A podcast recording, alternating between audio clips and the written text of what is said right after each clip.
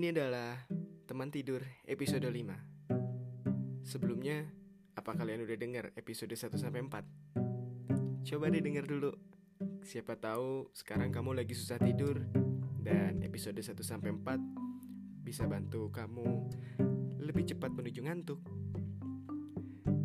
Episode 5 teman tidur kali ini kita bahas hal yang menarik dan unik karena gak semua orang sadar akan potensi ini dan gak semua orang juga berhasil mengelola potensi ini.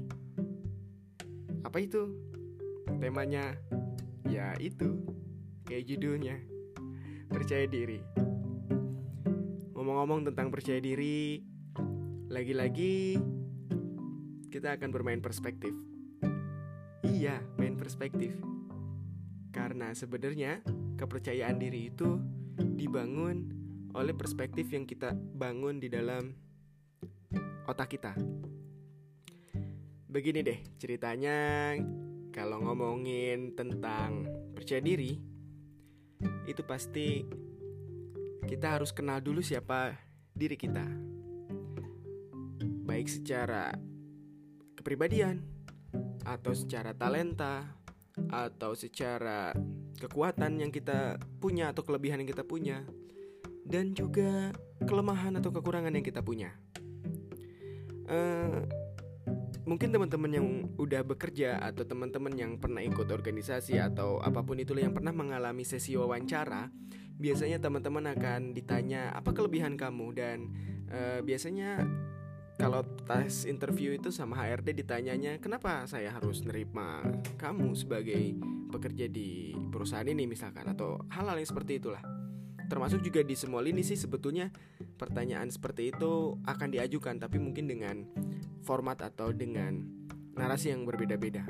Tapi intinya sama kita harus tahu siapa diri kita kelebihan kekurangan talenta dan sebetulnya kepribadian kita itu kayak gimana.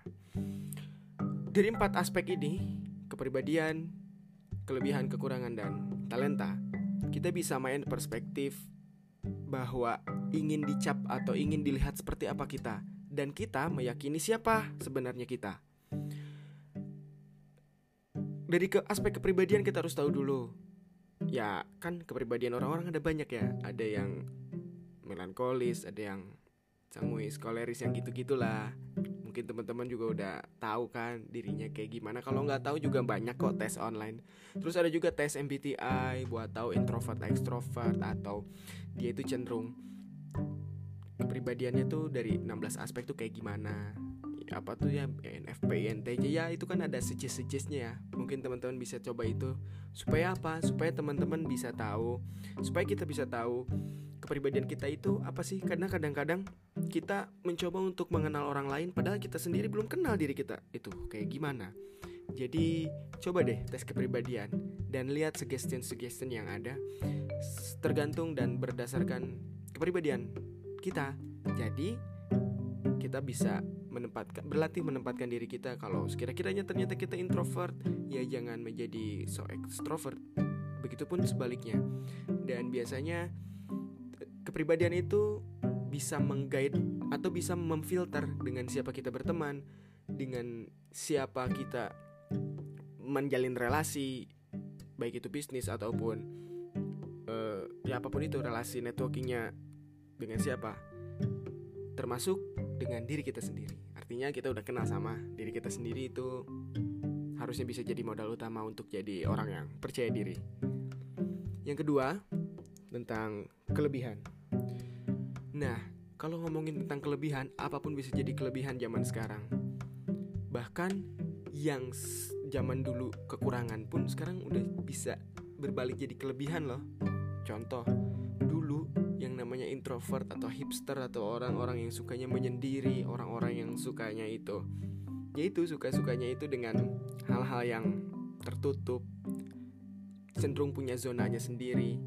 Itu ya dianggap suatu kekurangan di komunitas sosial karena ya dianggap susah bergaul, dianggap susah uh, ya di, di nggak susah untuk diajak ngobrol dan lain sebagainya karena seolah-olah dia punya barrier padahal sebenarnya kalau zaman sekarang ter terlepas dari entah apa yang menjadi suatu tren baru mungkin ya yang namanya hipster yang namanya ansos. Itu jadi daya tarik tersendiri untuk kita bisa ditemukan oleh orang yang tepat yang benar-benar membutuhkan kita. Contoh deh ada sekarang itu suatu fenomena laki-laki itu suka gedeketin cewek yang misterius. Otomatis kalau cewek yang misterius itu kan seseorang yang susah ditebak dan seseorang yang susah ditebak itu biasanya tertutup atau cenderung punya zonanya masing-masing. Ataupun kalau dia tidak tertutup dia seolah-olah buat barrier dan bikin bikin lawan jenisnya penasaran. Dan itu ngetren loh sekarang. Ya asli. Dan itu bisa jadi kelebihan kalau kita mau pakai perspektif kacamata itu. Jadi ya masalah kekurangan dan kelebihan itu tergantung pinter-pinternya kita ngolah aja. Ada yang mungkin menganggap bahwa aduh aku tuh sukanya banyak omong nih aku tuh suka ngomong terus. Nah itu kan juga bisa jadi kelebihan dan bisa jadi kekurangan tergantung di mana kita menempatkan tergantung pada siapa dan di mananya timingnya ya begitu kan pada prinsipnya apa pun yang kita bawakan benar atau salahnya sesuai dengan perspektif dan kesepakatan yang berlaku saat itu. Seperti di episode teman tidur sebelumnya bahas tentang perspektif database rasa. Nah, jadi masalah dua aspek selanjutnya adalah kelebihan dan kekurangan. Hmm, kadang-kadang ada beberapa kekurangan yang memang kita harus koreksi karena memang itu sifatnya kekurangan mutlak. Contoh, mungkin kita punya sifat negatif yang disepakati oleh norma sosial kita adalah sesuatu yang memang negatif. Nah, seperti hal-hal negatif lah hal-hal tercela yang kita sama-sama tahu pelajari. Misalnya seperti sirik pidik iri dengki sombong takabur ujub aniaya eh, seperti seperti itu. Itu memang kita harus bisa kontrol karena baik ya mau gimana juga sosial akan menilai siapa diri kita dari perilaku kita dan biasanya kelemahan kita itu bisa dicari oleh orang lebih mudah daripada kelebihan kita. Nah salah satu eh, salah satu cara untuk kita bisa jadi percaya diri dengan bermain perspektif kelebihan dan kekurangan adalah kita harus pinter-pinter. Ya sebenarnya Hispi juga belum bisa sih melakukan hal ini tapi secara teori dan Hispi pernah berhasil melakukan ini adalah kita harus pinter-pinter memberikan label kepada diri kita Contoh deh, kalau kita anggap diri kita ini adalah sebuah produk, kita harus bisa presentasikan produk ini dengan baik. Pernah gak sih teman-teman misalkan punya handphone atau punya apa ya jam tangan kayak atau punya gadget atau punya sepatu atau punya celana apa pun itu yang teman-teman pakai dan saking bagusnya atau saking nyamannya benda itu sama teman-teman akhirnya teman-teman gak sadar mempromosikan itu sama teman-teman di sekitarnya sama lingkungan sosial kita dan teman-teman tanpa dibayar oleh si produsen barang tersebut jadi ambasador buat produknya itu. Nah, kenapa nggak kita coba untuk kita menjadi ambasador buat diri kita sendiri? Iya, kita harus bisa mempresentasikan diri kita sendiri, baik dari first impression atau dari apa penampilan yang ingin kita tunjukkan kepada orang lain, juga dari bagaimana kita cara berbicara, intensitas intonasi berbicara, artikulasi berbicara, intensitas nafas ya seperti itu kan bisa kita atur. Lalu juga gesture. Iya, gerak tubuh. Kalau kita bertemu dengan seseorang yang lebih tua gimana, kita bertemu dengan orang yang mau rekanan bisnis atau kita mau wawancara HRD kan kita harus menjawab atau kita lagi responsif sama dosen misalkan lagi bimbingan kita kan harus bisa menjawab segala sesuatunya itu dengan yakin dan gestur kita mendukung keyakinan itu dengan dada yang cenderung busung, tidak bungkuk karena bungkuk itu melambangkan keraguan-raguan. Lalu dengan mata yang berani menatap mata, artinya terjalin eye contact di situ karena mata bisa punya bahasa komunikasinya sendiri. Dengan hal-hal seperti itulah kita bisa membangun kepercayaan diri kita ada mungkin teman-teman bisa ba bisa baca banyak googling lah tentang bagaimana body gesturnya buat laki-laki atau buat perempuan kalau lagi presentasi, buat laki-laki atau perempuan kalau lagi mau kenalan, bagaimana keyakinan kita menjabat tangan. Kita kan beda ya jabat tangan, bukannya merendahkan ini, tapi kita kan beda jabat tangan sama uh, tukang gorengan sama jabat tangan sama seorang dosen kan beda. Karena apa yang beda dari jabatan tangan kedua sosok tersebut? Ya komponen raganya komponen bodinya itu memang di di seorang-orang berisi bahwa aku adalah orang hebat aku adalah orang ber, ber, aku ada orang bisa aku ada orang mampu tanamkan itu di dalam diri kita harusnya sih kita menjadi orang yang lebih percaya diri dari sebelumnya dan setelah kita tahu kepribadian kita kelebihan dan kekurangan kita kita akan tahu potensi kita di mana berhubungan dengan kelebihan. Kita pakai perspektif itu. Misal, ketika kita ada di suatu lingkungan yang um, biasanya manusia itu ingin terlihat beda. Biasanya manusia itu ingin terlihat uh, lebih di antara populasinya yang lain dan itu adalah naru naluri dan alami. Kita bisa membangun itu. Contoh, ketika kita ada di satu lingkungan yang kita anggap sama, kita ada di satu kelas misalkan yang lagi duduk, ya kenapa kita tidak coba untuk menjadi seseorang yang berdiri supaya kita bisa dilihat.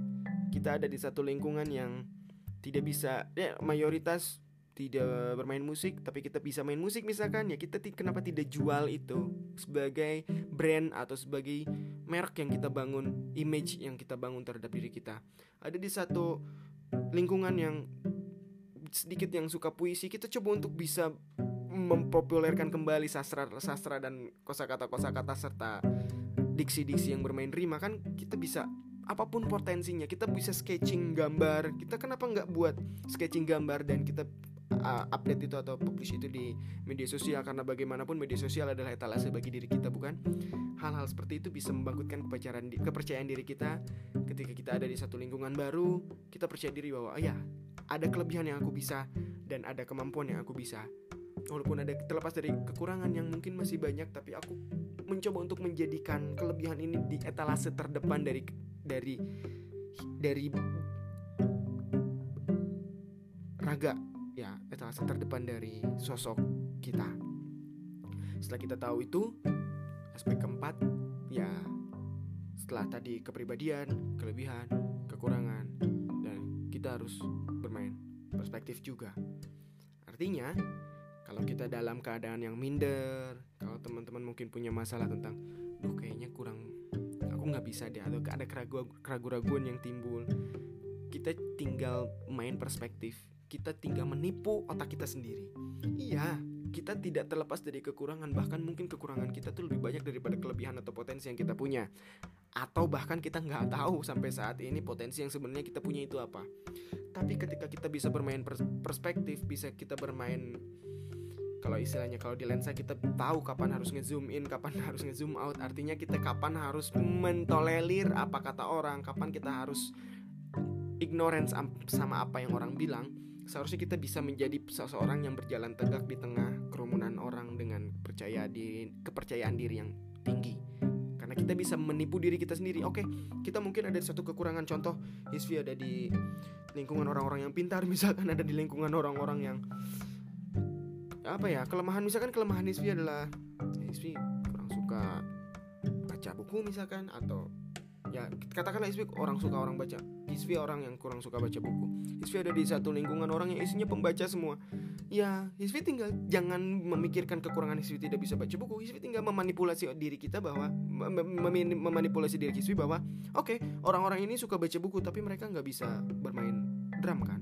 Ya udah tinggal tanamkan itu di dalam diri diri Hisvi adalah bisa main drum lebih baik daripada mereka. Padahal itu adalah sesi atau suatu forum yang isinya tentang para pembaca buku yang merupakan itu adalah kekurangan Hisvi. Misalkan seperti itu.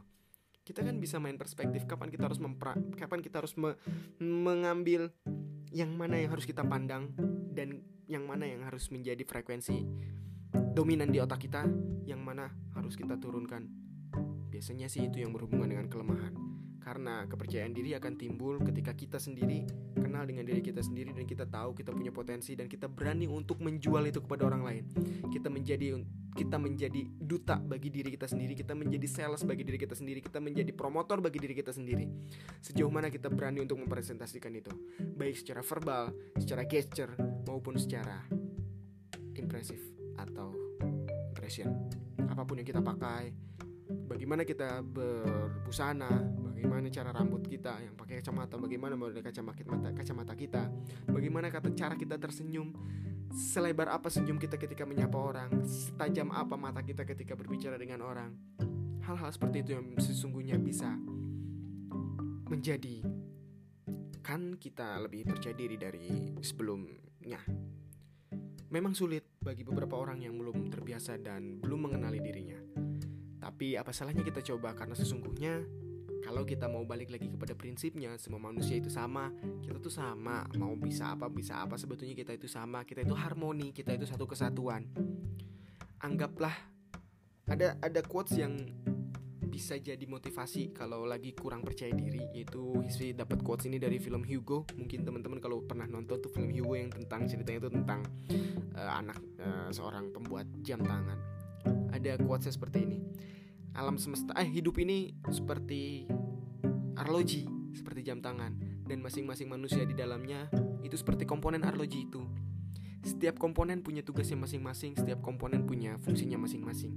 Ada yang bisa ja mungkin aku jadi bautnya mungkin kamu jadi jarum penunjuk detiknya mungkin orang lain ada yang jadi jarum penunjuk menitnya ada yang jadi baterainya ada yang jadi letter uh, ada yang jadi strapnya apa pun itu yang jadi komponen kesatuan dari suatu arloji yang berfungsi setiap orang hanya tinggal mengenali sebagai apa dirinya di dalam kehidupan ini apa fungsinya di dalam kehidupan ini. Karena tidak mungkin Tuhan menciptakan aku tidak mungkin Tuhan menciptakan kamu. Tidak mungkin Tuhan menciptakan satu partikel pun di muka bumi ini kalau itu tidak berfungsi. Dan yakinlah dunia tidak akan seperti ini. Dunia tidak akan baik-baik saja. Dunia pasti akan mengalami kerusakan ketika aku tidak dilahirkan, ketika aku tidak ada, dan ketika aku tidak mengenali diriku sendiri, serta aku tidak bisa menjual diriku sendiri. Anggaplah sebuah arloji yang akan tidak berfungsi optimal ketika kehilangan satu baut saja.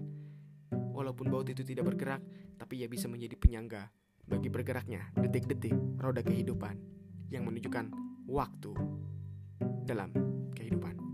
Selamat ketemu lagi di episode 5 Eh episode 6 ya nanti ya episode 6 teman tidur. Selamat malam.